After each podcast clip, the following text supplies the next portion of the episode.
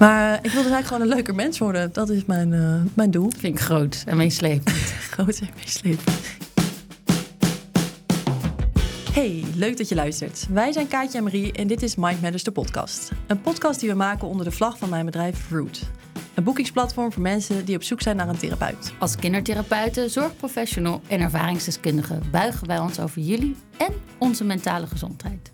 We nemen jullie in deze afleveringen mee in onze levens. We gaan het hebben over relaties, onstuimige karakters, verkeerde keuzes en hopelijk delen we ook nog wat hoogtepunten. Everybody wants to be themselves. And everybody deserve a little love. And everybody needs a little help, just a little help. Hoi, ik ben Kaatje. Ik werk als kindertherapeute ik ben moeder van Sam en Coco en ik woon met mijn twee kinderen en Josh in Haarlem. Ik raak zeker meerdere keren per dag mijn sleutels kwijt. Ik eet geregeld een afgekloven krentenbol van mijn dochter als ontbijt. Weet je, zo nat. En ik kom altijd te laat. Alhoewel, niet zo laat als Marie. Dus. Dat is een kunst ook. Nou, hoi Kaatje. Hi. Uh, ik ben Marie, pedagoog en ondernemer. Ik ben sinds mijn 18e freelance fotograaf en heb ook bijna 18 jaar in acute psychiatrie in Amsterdam gewerkt. Tegenwoordig woon ik op een gezellige boerderij in het oosten van het land met mijn man en dierenbende en ben ik mede-founder van Roots. Leuk dat je luistert. Wat gaan we doen vandaag, Kaat? Tromgeroffel. Nou, we gaan elke week een thema bespreken. Deze week is dat over hechting en relaties. En we kijken wat dat voor een invloed heeft op je mentale gezondheid. Uh, we kijken naar een vraag van een luisteraar en die bespreken we dan met een therapeut van jouw platform Root. En geven elkaar elke week een opdracht om onze mentale gezondheid te verbeteren. Waar je als je zin hebt ook aan mee kan doen. Deze week gaan we het hebben over hechting en relaties. Nou, normaal beginnen we hier dan met het bespreken van de opdracht. Maar gezien we nog geen opdracht hebben gedaan deze week, hoe was je week, Kaat? Wij hadden herfstvakantie en uh, we wonen in een heel krakerig oud pand in Haarlem. En het was rot weer. En ik hoorde s'avonds een beetje zo boven ons zo trrr, trrr. Ik hoorde muizen. Muizen. Dus binnen een split second dacht ik, muizen betekent poes. Onze kinderen zijn dol op katten of dieren, dus ik dacht, dit is te gek. Heb je leven verrijkt? Dat weet ik nog niet helemaal, maar het is zeker meer. Ehm, dus ik meteen die avond uh, googelen, weet ik overal zoeken. En toen uh, had ik al best wel snel wat gevonden. Ehm, dus ik zei, nou, ik ga wel alleen dat katje halen, want ik dacht, met de hele familie heeft niet zoveel zin. En toen kwam ik aan in een heel grimmig dorp in Brabant met alle luiken dicht. En een soort raar groot hek en allemaal honden van die, van die mega soort terriers. Ik hoop niet dat deze mensen luisteren, want dit is de indruk van, van hun huis. Ze weten niet mijn echte naam. Ehm, met allemaal blaffende honden en duizenden beesten kom ik daar aan. En er zit niet één klein poesje, maar er zitten er acht in een hok. Oh. En die kijken mij aan. En op dat moment zegt die mevrouw nog even... Ja, het is wel zielig alleen. Ja, moet je naar mij hebben. Totaal hormonale moeder gaat daar naartoe in haar eentje. Ik kwam thuis met twee. Oh, Verrassing! Dat oh, dat is wel heel Je was de beste moeder van de, van de maand. Ze hebben alleen nog geen naam, want dat is wel een dingetje thuis. Maar kunnen we nog een polletje over starten. Um, en diepte mijn kinderen en, en George, iedereen is ziek bij ons thuis. Dus ik ben vooral heel veel bedden aan het verschonen. En kotsbakjes en zweetlapjes en dat soort... Uh, Je kijkt ook heel vies hierbij, maar is het ook. Maar um, jij ziet er wel gezond uit. Ja, ik ben niet ziek te krijgen. Ik weet het niet. Je hebt gewoon geen tijd om ziek te worden, denk nee, ik. Nee, ik zou ook niet weten wie er dan voor mij zorgt. Niemand zorgt dus, voor jou. Je kan niet ziek worden. Dus prima. Dus twee hoogtepuntjes, één dieptepuntje. En bij jou, Marie?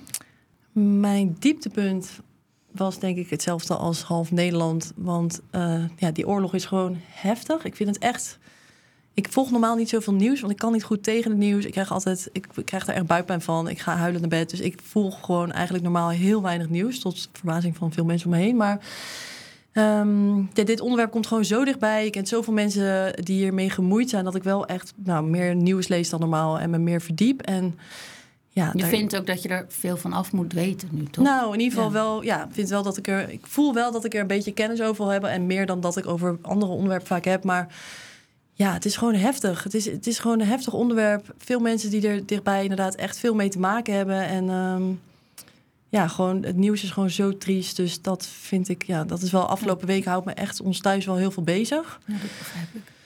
Um, een hoogtepunt van de week Daarom was... heb ik niet twee pushes om maar gewoon ja, te vluchten. Beter, ja. ja, beter. Geen nieuws kijken. Mijn hoogtepunt was Acta aan de Munnik. Ik bedoel, ja, wie was er niet fan van? Ik heb geloof ik eh, vanaf mijn tiende, of wat is het, twaalfde, al die platen uit mijn hoofd geleerd. Eh, op bed zittend met die boekjes nog die je zo had van je cd's. CD En- van jou. Ja, oh my god. Maar het was zo leuk. Dus ik was met mijn beste vriendin naar de Ziggo Dome. Eh, omdat Glenn meedeed, hadden we heel lief nog tickets kunnen krijgen. Want het was al stijf uitverkocht. En het was zo leuk. Het was echt een soort van oldschool amazing avond. Ik voelde me een beetje alsof ik bij de toppers was. Maar ik vond het echt fantastisch. echt Legit fantastisch. toppers. Legit toppers. Goede toppers inderdaad. Oké, Kaat. We gaan het deze week hebben over hechting en relaties. Of eigenlijk meer over hechting en de invloed op je relatie. Ook als je volwassen bent. Ehm, ik ben van origine pedagoog, maar dat wil zeker niet zeggen dat ik hier van alles van af weet. Ehm, maar samen komen denk ik een heel eind. En later in de aflevering komt er nog een relatietherapeut en psycholoog, Minky, om eh, wat vragen van ons te beantwoorden. En om de luisteraarsvraag te beantwoorden. En dat gaat eigenlijk allemaal dus over die hechting. Want wist jij dat ongeveer de helft van de Nederlandse samenleving veilig gehecht is en de andere helft onveilig? En dat klinkt best wel heftig, maar omdat het juist zoveel veel voorkomt, heeft het dus ook heel veel verschillende gradaties. En gebaseerd op de hechtingstheorie van John Bowlby, de grondlegger eigenlijk van deze hele theorie, eh, heb je vier hechtingsvormen. Veilig, angstig, vermijdend en gedesoriënteerd. En eigenlijk kennen we deze termen het vaakst of zijn die het bekendst bij ons als bindingsangst of verlatingsangst. Vaak hoor je dat ook al voorbij komen als relaties niet of wel werken. Dit is eh, een, van die, een, een van die redenen. Maar om niet direct met bergen theorie aan te komen, gaan we eerst eens even onze eigen levens en relaties bekijken. Eh, het leuke is dat wij elkaar al best wel even kennen, maar vooral van feesten en partijen. Dus eigenlijk weet ik ook heel veel dingen van jou nog niet. Dus hoe heb jij bijvoorbeeld Josh ontmoet? Want we gaan het hebben over relaties, we gaan het even over hechting. Waar kennen jullie elkaar van? Josh en ik hebben elkaar leren kennen door een gemeenschappelijke vriendin. Ehm, zij had eerst met hem gedate en toen zei ze eigenlijk... nou, ik denk dat hij beter bij jou past dan bij mij. Maar wij zaten allebei eigenlijk helemaal niet op een relatie te wachten. We hadden niet echt succesverhalen gehad voorheen. Dus we wilden het eigenlijk ook niet nog een keer gaan proberen. Want we dachten, pff, we zijn een beetje klaar mee. Je was al Maar le- vond- levensmoe over relaties. Ja, maar we vonden elkaar wel heel leuk. Dus toen hebben we het eerste jaar gewoon heel casual gedate. En vooral heel veel passie en uitgaan en fun. Ehm, en juist omdat we er geen label aan hingen, was het heel natuurlijk. En groeiden we eigenlijk daarom steeds dichter naar elkaar toe. Dus was een soort van wat je altijd zegt met zand, toch? Als je het zo houdt, dan gaat het eruit. Maar het lag stil. Niemand dus ziet dan- wat zo is hè, op eh, podcast. Ik hou mijn hand nu geknepen. geknepen. En ehm, als je zand eh, geknepen in je hand houdt, dan stroomt het eruit. En als je het plat houdt, dan blijft het liggen. Dat zegt dus iedereen altijd, maar volgens mij als je gewoon dichtknijpt, dan heb je best wel wat wat je vasthoudt. heb je het eens geprobeerd? hele theorie naar de kloten. Thanks for nothing. Maar en, Het en, als het dan, was dat. en als je dan hebt over hechting en het begin van je relatie, hoe was dat bij jullie? Wat voor dynamiek hadden jullie? Nou, eigenlijk totdat Josh depressief werd... en dat werd hij, wordt hij eigenlijk altijd in de winter... Was het heel, hadden we dat niet zo door. Totdat eigenlijk dat gebeurde... En hij mij een beetje afwees. Ik voelde me daar best wel alleen in. Dat hij ging juist in zijn schulp. Had een beetje bindingsangst. En dacht eigenlijk van, nou ja, ik wil niemand dichtbij laten nu. En ik had juist verlatingsangst. Dus dat was onze hechting. kwam daar heel erg, botsen daar heel erg. Is dat iets wat je al herkent van vorige relaties ook? Heb je dat altijd, die dynamiek? Of Nee, nu was het wel weer in een andere vorm. Vaak was ik de Josh. En Oh, nu ja. was ik de ander. Dus dat, dat was het effect. Maar ik voelde me wel afgewezen. Terwijl het had helemaal niks met mij te maken. Het was zijn depressie. En iets wat hij juist bij mij weg wilde houden. en hoe, Ehm. hoe ging je daarmee om? Hoe reageerde je daarop? Nou, eerst heel verdrietig eigenlijk. Dat ik dacht, oh, want je gaat ook van passie naar meer, gewoon veel meer fysiek, weet je, hele andere connectie ga je. Ehm, dus, maar daarna, toen we erover gingen praten, ik had niet geleerd te praten. Dus het nodigde mij uit om te kijken van dat het niks met mij te maken had. En het nodigde Josh uit om verbinding te leggen. Dus het heeft ons eigenlijk, denk ik, is het een van de redenen dat wij nog steeds samen zijn. Jo- Josh, je depressie is een reden dat jullie Dank je, babe. Nee, maar wel dat we, dat we hier meteen best wel snel mee te maken hadden. En dat we moesten wel praten. Want ik ging hem daar niet in dat bed laten, laten liggen. En hij wilde mij niet kwijt. Dus toen moesten we aan de bak. En dat is denk ik nu nog steeds wat fundament. En hoe wij- zijn jullie aan de bak gegaan? Want vanuit dit gevoel is het best wel moeilijk om dan in één keer te denken: oké, nou, dit, hoe ga je dat doen? Ja, je durft toch wel inleven in de ander en kijken waar kom jij vandaan. En ik moest dus wel gaan bedenken dat hij legt mij het heeft niks met jou te maken. Dus ik dacht wel, waarom voel ik me dan zo aangevallen? Dus ik moest die zelfreflectie hebben en toen kon ik zien, oh, dit is iets van mij. Dit is, dit is dat stukje hechting waar ik mee moet dealen. Dus ik denk dat dat ons tot op de dag van vandaag merken we heel vaak dat als er dingen zijn, oh, kunnen we terug naar deze oorsprong? Oh, dat komt voort uit dat En je- stukje. En jij bent natuurlijk psycholoog en kindertherapeut. Had jij door je opleiding, door je, door je studie, had je daar ook al zeg maar, jezelf al helemaal hierover ontdekt? Of heb je dit eigenlijk pas later? Nou, dat is wel bijna meer dan tien jaar geleden. En ik denk dat ik toen die zelfreflectie en ook ervaring, levenservaring helemaal niet had. Dat het iets heel theoretisch was. Dus nee, ik kan het op anderen heel goed toepassen. Ik ben nu kindertherapeut, dus ik, ja, daar is het natuurlijk ook in een hele andere vorm nog. Is het echt bij het jonge kind. Maar nee, Grappig, hè? Ja, ik heb dus zelf ook pedagogiek gestudeerd. Ja. En Ik heb alles gelezen over hechting, maar pas 15 jaar later of zo dacht ik... Oh, dit zijn ook dingen die ik doe. Nooit, de hele studie niet over nagedacht. Nee. Nooit tegen aangelopen, nooit opgevallen. Maar daarom is het zo gek dat wanneer je gaat studeren, is het zo theoretisch. En nu denk je, je moet toch ook die ervaring hebben om door te hebben wat het echt. Die, nou, ik zeg een ervaringsdeskundige. Het is niet voor niks dat in de, in de afklikklinieken je altijd geholpen wordt door ervaringsdeskundigen. Want die kunnen gewoon het beste dingen overbrengen vanuit een bepaalde overtuiging. Oké, dus dit was een beetje mijn dynamiek of hechting het eerste jaar met Josh. Hoe is dat bij jou en Glenn eh, ontstaan? Het begon allemaal... Nee, eigenlijk denk ik dat ik een jaar zes voordat ik Glenn tegenkwam... zo vaak datzelfde rondje had gelopen van mezelf helemaal ergens in vastbijten... wat eigenlijk niet echt per se heel gezond voor mij was. Dat ik ehm, er heel veel over ben gaan lezen. Nou, we gaan straks nog boekentips geven, maar ehm, ik heb, ben begonnen met een boek dat Verbonden heet. Ik heb Hold Me Tight gelezen. Ehm, ja, Hanne Kuppen. eh, liefdesbang. En in die boeken kwam ik zo mijn eigen gedachtegangen en handelen tegen... dat ik dacht, wow, oké, interesting. Dit is in ieder geval iets wat ik ook in me heb. En was je dan nog in een relatie? Of was dat in de tijd dat je, als je even alleen was? Dat was het eind van voor mij een hele lange relatie. Dat is dus ook uiteindelijk uitgegaan. En dat eh, jaar voordat ik Glenn tegenkwam, heb ik gewoon hier heel veel over. Ik ben al een keer eerder in therapie geweest toen ik begin twintig was, maar ik had dit hele stuk eigenlijk helemaal nog niet gezien van mezelf. En ehm, ja, ik denk eigenlijk dat ik dus een jaar voordat ik Glenn ontmoette, echt dacht van, oh, dit is echt iets wat ik gewoon niet meer ga doen. Dit is echt You did the work. ja, maar ook gewoon dat je ineens denkt... wat dom eigenlijk dat ik de hele tijd hetzelfde rondje aan het lopen ben. Ja, maar je doet totdat je beter weet. Ik denk Ja. ook nu, waarom was ik zo onempathisch tegen sommige ex-vriendjes? Nee, maar ik heb sommige echt als shit dat ik nu pas... Ja, Ja. sommige kwartjes vallen laat. Vallen gewoon laat, ja. Wij zijn Ja. laatbloeiers. En toen kwam ik dus Glenn tegen. En toen had ik al een soort van dit hele backpack ingepakt van al die dingen... waarvan ik dacht, oké, dat deed ik echt niet zo handig. En dit is eigenlijk ook hoe ik het liever zou doen. En dat had ik ook al een beetje een soort van eigen gemaakt. En toen kwam ik Glenn tegen, dus dat was heel chill. En de eerste keer dat wij elkaar tegenkwamen was op verjaardag van een gezamenlijke vriend. En toen kregen we een gesprek over... ehm, Hechting. over hechting. Het is mijn- Sexy. Super sexy onderwerp, ja.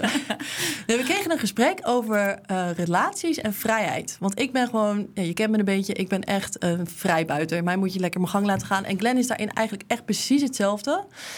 Maar wat ik toen dacht, en dat was ook iets wat eh, Sue Johnson heel mooi in dat eh, Hold Me Tight boek beschrijft, is hoe eh, beter je je kan hechten, hoe vrijer je bent. En dat vond ik zo'n chille ontdekking. Dus hoe beter je in staat bent om je op een gezonde manier met iemand te verbinden. Dus ook echt een nabijheid aan te gaan waarin je af en toe afhankelijk bent van iemand. En dat vond ik daarvoor altijd heel aan relaxed. Dacht ik altijd, oh, je mag eigenlijk niet op iemand anders steunen, want dan Maar kan je jezelf... daarin dus vrij te voelen dat je niet bang bent dat iemand je verlaat. Ja, precies. En want ik dacht dat je moet het, dat zelf doen, want anders dan ben je een soort van te afhankelijk. En toen ik dat begon te begrijpen, dacht ik ineens... oh, maar als je dus goed op een gezonde manier met iemand verbindt... dan heb je dus super veel vrijheid.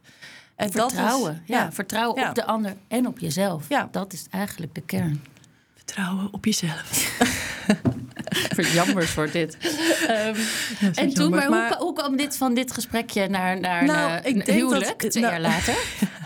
Nou, dat was het. We hebben zo gelijk, even gelijk te doen. Nee. Ook bijna. Ik denk dat we daarin gewoon echt... Een, we hadden gewoon een mega leuk gesprek. We hadden gewoon heel veel lol die avond. Maar ik denk dat dit is iets wat wij allebei heel erg in een relatie zochten. Dus en vrijheid en verbintenis. Maar echt een soort van hele veilige, fijne verbinding. En nou, daar hebben we echt wel in het begin een beetje naar lopen zoeken, weet je wel. Want we kwamen zelf uit allebei best wel turbulente relaties. Dus het is niet ineens dat je dan in één keer denkt... nu vat ik het, nu ga ik het allemaal goed doen. Nee. Maar ehm, ja, ik had gewoon zelf en ik denk Glenn ook heel veel inzicht in hoe ik werkte en wat ik deed. En daardoor kon ik gewoon elke keer als ik dacht van... oh ja, nu ga ik dus doen wat ik altijd deed... kon ik er gewoon mee stoppen en wat anders proberen. En dat is zo chill, want... Ja, je try, try on error. Je had Ja. gewoon al die dingen al mee moeten maken om hier Ja. te komen. Maar dat vraagt me dus af, Kaat. Kan je dit ook eerder uitgelegd krijgen als je het niet hebt ervaren... zodat je het niet heel dat ding hoeft te doen wat we allebei gedaan hebben? Ik denk het niet. Nee, Ik denk niet als hele dit bij je podcast eerste zin, vriendje, bij je eerste vriendje met al de theorie, dat je dan kan zeggen: Oké, ik ga deze toepassen. Ik weet het echt alleen omdat ik elke keer ook, als ik het met vriendinnen erover heb, zeggen: elke keer put ik uit mijn eigen eh, vaatje. En ik denk, anders had ik het nooit geweten hoe, nee, hoe het nu voelt. Had Ja. ik ook niet geweten dat Josh echt degene is met wie ik echt wil zijn. Ook als het even niet botert, of juist omdat we fluid zijn. Dat we Want dat is dus wat je zegt, is eigenlijk ook de kunst. Als het dus even niet botert, dat je niet gelijk denkt... vroeger had ik altijd aju paraplu, ik Later. pak mijn tas in... prop mijn koffer in de auto en de groeten. Je leest het toch wel uit de koffer, dus dat nou, nog scheelt. steeds eigenlijk. Maar ik, ja, ja, nog steeds eigenlijk. Ik kan er wel een maar van plakken, maar die bestaat nog niet. Oh, kleine nomaat. Maar wel dat je dus inderdaad beseft als iets even ingewikkeld is... of niet helemaal rijmt met elkaar... dat je dan niet denkt van oké, ik moet nu me ergens anders veilig gaan stellen. Ik peer hem. Wanneer is dit veranderd, zeg maar, naar hoe jullie nu zijn? Ik denk een beetje geleidelijk. Als niet als in een op de andere dag. Maar wat ik dus in het begin heel vaak deed. Ik ben in het begin ook nog best wel vaak gewoon mijn koffer in de auto gepropt. Als ik ergens boos over Die was. toch wel lag. Ja. Maar wat er op een gegeven moment gebeurt is dat ik dan mijn koffer in de auto neem, maar niet meer wegging. En dan lag al je spullen in de auto. Ja, dat ik de volgende dag weer dacht, oh fuck, die koffer ligt nog in de auto. Helemaal vergeten ook. Ja, gewoon alweer vergeten ook na een half uur. En wat ik ook vaker deed op een gegeven moment is... als ik dan in het begin die dingen een beetje getriggerd werden... zei ik, wacht even. Ja, ik ga even een rondje lopen. Ben over een half uurtje terug. Nou, dat Verstandig. werkt echt als het niet. Want dan dacht ik gewoon van, oké, nu raak je bij mij iets waar ik een beetje van katje van word. buttons. Ja, en dan ging ik gewoon een rondje lopen en dan was het eigenlijk alweer gezakt. En dan zei ik gewoon even, oh ja, nou dit, dit had ik nu even. Maar ehm, nu snap ik wat het was. Maar En, dit had je eh, al in het begin. Moet je nagaan waar je nu staat. Ja, het is nu helemaal fantastisch. Nee, ik soort, bedoel eh, meer, doe Barbie je en dit nog steeds? Of heb je nu andere... Nee, we hebben dat gewoon niet zo echt meer. Maar dat komt gewoon omdat ik het, omdat we dit, ik heb, ik had dus al een soort van het begin dat bewustzijn. Toen hebben we er heel vaak nog een beetje mee geoefend. En nu, tuurlijk, hebben we het wel eens, maar het komt gewoon eigenlijk bijna niet meer voor, omdat we allebei zo fucking. Ja, af en toe word je ook, ik bedoel, we hebben het dus ook gewoon dan heel praktisch over dit soort dingen. Gewoon als ik dan zeg van, oh ja, ik voel me even sowieso, dan zeg ik, oh, ik ben eigenlijk gewoon overprikkeld. Ik ga nu even in bad zitten en dan morgen is het wel weer prima. In plaats van dat ik de Zo hele avond ga zitten katten. Ja, het is ook echt walgelijk saai eigenlijk, hè?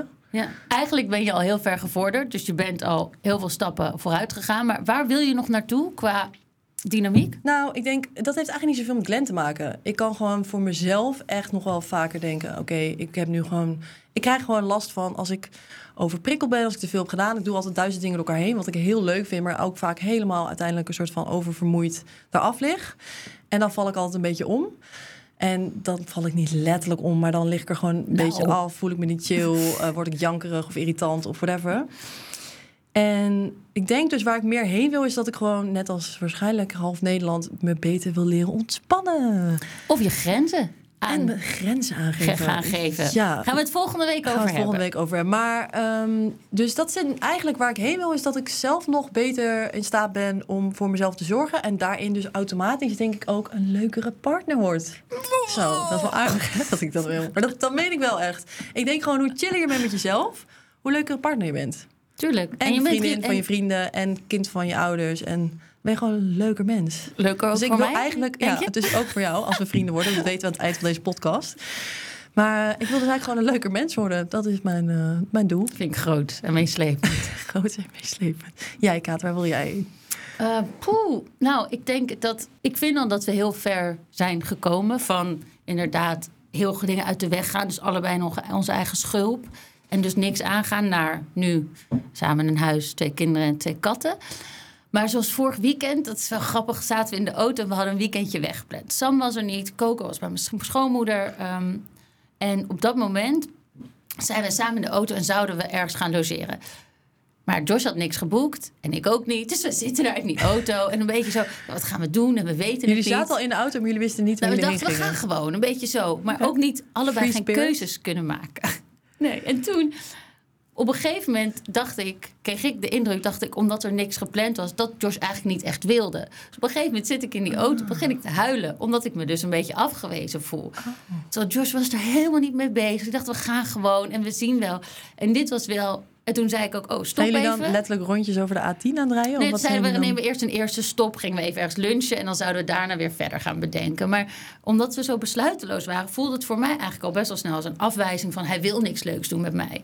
Terwijl Josh dacht gewoon, ja, eh, nee, we gaan, we zien wel. Die was helemaal niet daarmee bezig. En dan? Dus zijn we gestopt, ik huilen. En toen kon ik wel meteen zien. Oh, toen zei ik meteen: Oh, dit is niet jij. Ik voel me gewoon afgewezen. Omdat ik me er zo op had verheugd. En heb ik het heel groots gemaakt. Maar eigenlijk is dit iets van mij. Zaten we in die auto en toen had ik even gehuild. Luchtte heel erg op. En toen boeide het helemaal niet meer wat we gingen doen. En toen zijn we gewoon heel schattig spelletjes gaan spelen. En eigenlijk niks bijzonders. Maar gewoon, Niet een nachtje weggaan.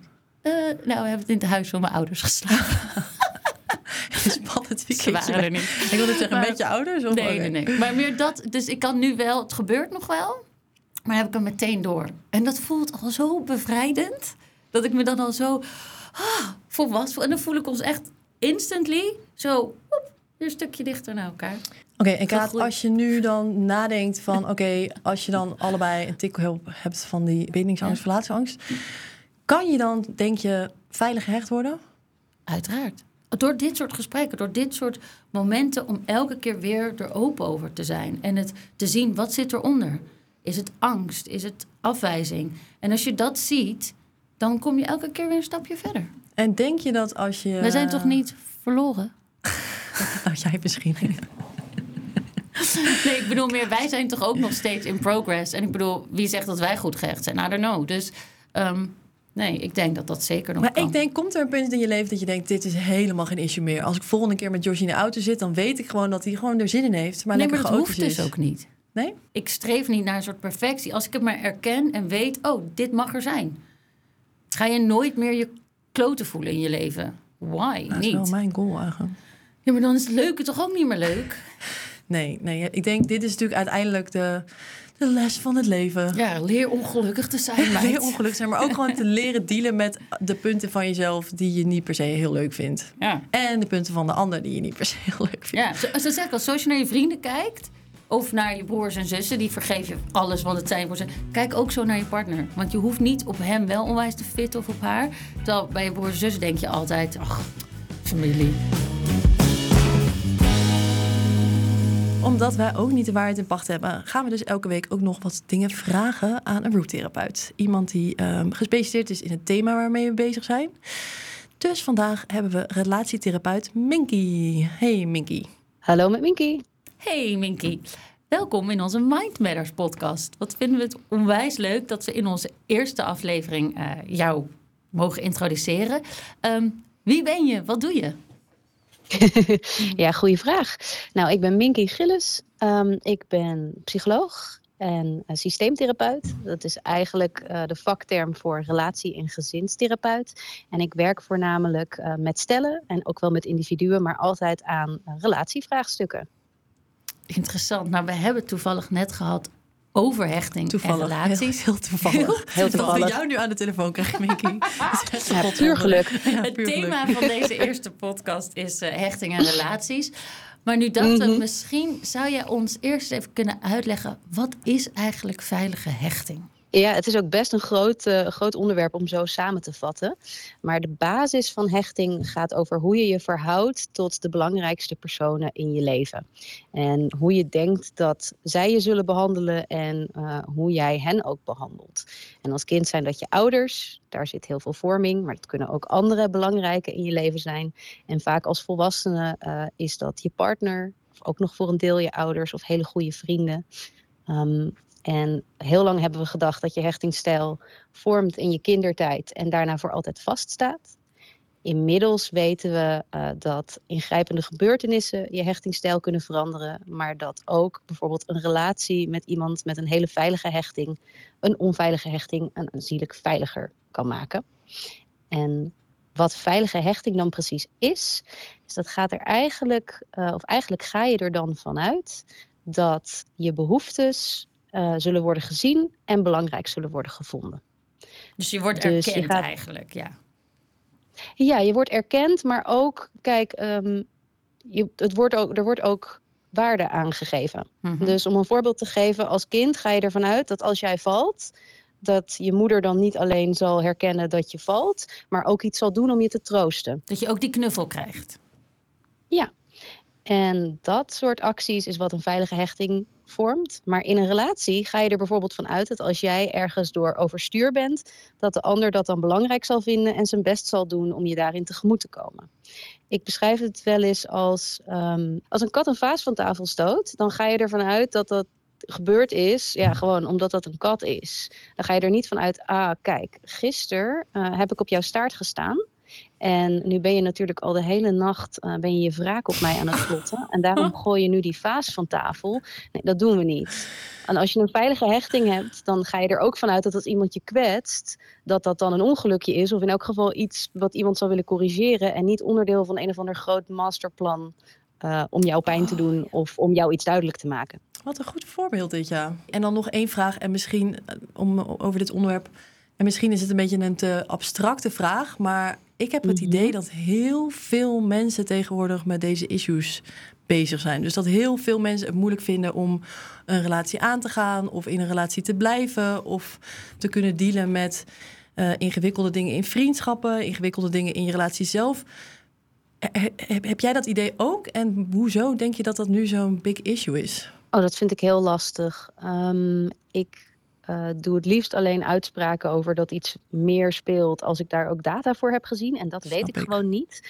Wat ik wel denk, is dat we er gewoon meer mee bezig zijn. En dat dingen die in het verleden misschien meer werden afgedaan als iemand is moeilijk of iemand is een verstokte vrijgezel, um, nu vaker in termen uh, van hechting geplaatst worden.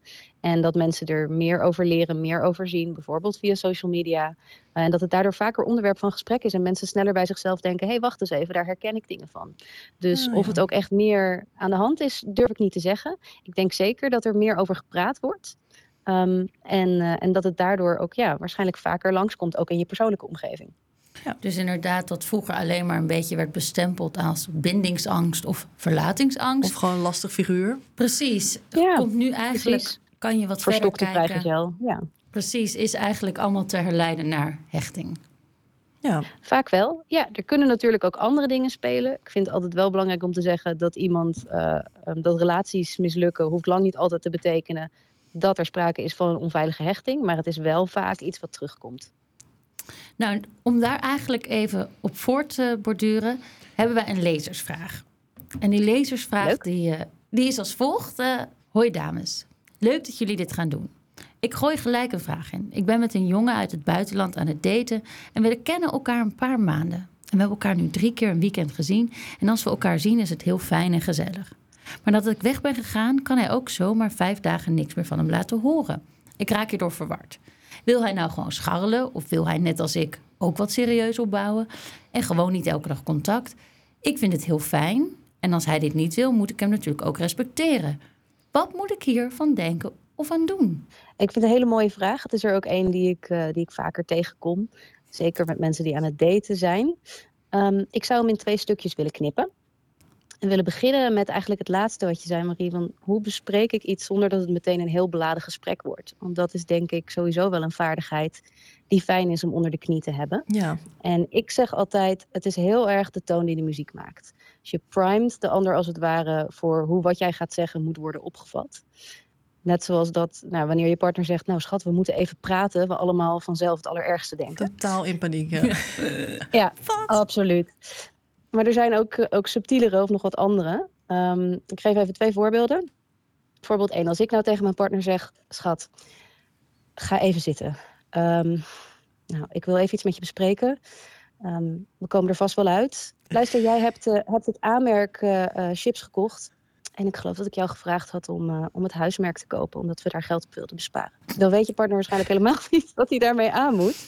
En heb je een heel klein ding heel groot gemaakt. Met puur je intonatie en de manier waarop je het onderwerp introduceert. Kijk, dit is natuurlijk, dit klinkt een beetje als een bizar voorbeeld. Maar als je je hier bewust van bent, kun je hem heel handig inzetten om hem dus juist om te draaien. En om wat zwaardere onderwerpen lichter te brengen. En als ik daar een voorbeeld van mag geven, ehm, dat is een manier waarop ik vaak dingen naar mijn partner communiceer. Dat kan bijvoorbeeld zijn: hé, hey, schat, ik wou nog even terugkomen op dat grapje wat je vanochtend maakte over mijn nieuwe broek. Ik snap dat het leuk bedoeld was, maar ja, kwam gewoon even niet lekker aan. Dus wil je dat soort grapjes voortaan laten? Ja? Got the message. Got the message, ja. In plaats Ja, van dat het een dus- heel beladen gesprek wordt. Precies. En we zijn vaak geneigd om te lang van stof te zijn, te veel te willen verklaren, ehm, dingen te groot te willen maken. Dus als jij een gesprek licht en luchtig en to the point wil houden, dan kun je daarin zelf heel veel bepalen. En dan het tweede deel van de vraag ging over die duidelijkheid. Hè? Oh ja. Ja, precies. Inderdaad. Hoe weet je nou of hij ook wil wat jij wil? Of hoe Nou, dat je is toch wel, ik denk, ik bedoel, ik heb honderd jaar niet gedate, maar dat is in het begin van een relatie wel een beetje de issue, toch? Dat je wil weten of je er met een soort van zelfde intentie in gaat, of Ja. niet? Ja. Ja. Nou ja, kijk, uiteindelijk is een relatie of geen relatie niet meer of minder dan wat twee mensen met elkaar afspreken dat het is. Dat stukje duidelijkheid, dat is inderdaad iets waar mensen veel mee worstelen in het begin, omdat we daar een of ander heel groot manipulatief spel van hebben gemaakt. En dat is vaak, denk ik, onder invloed van onveilige hechting. Dus ja, hoe krijg je meer duidelijkheid? Ik denk uit de vraag van de lezer op te maken eh, dat diegene niet per se op zoek is naar alleen een scharrel. En dan is het eerst belangrijk om eerlijk tegenover jezelf te zijn van wat je nou eigenlijk wil.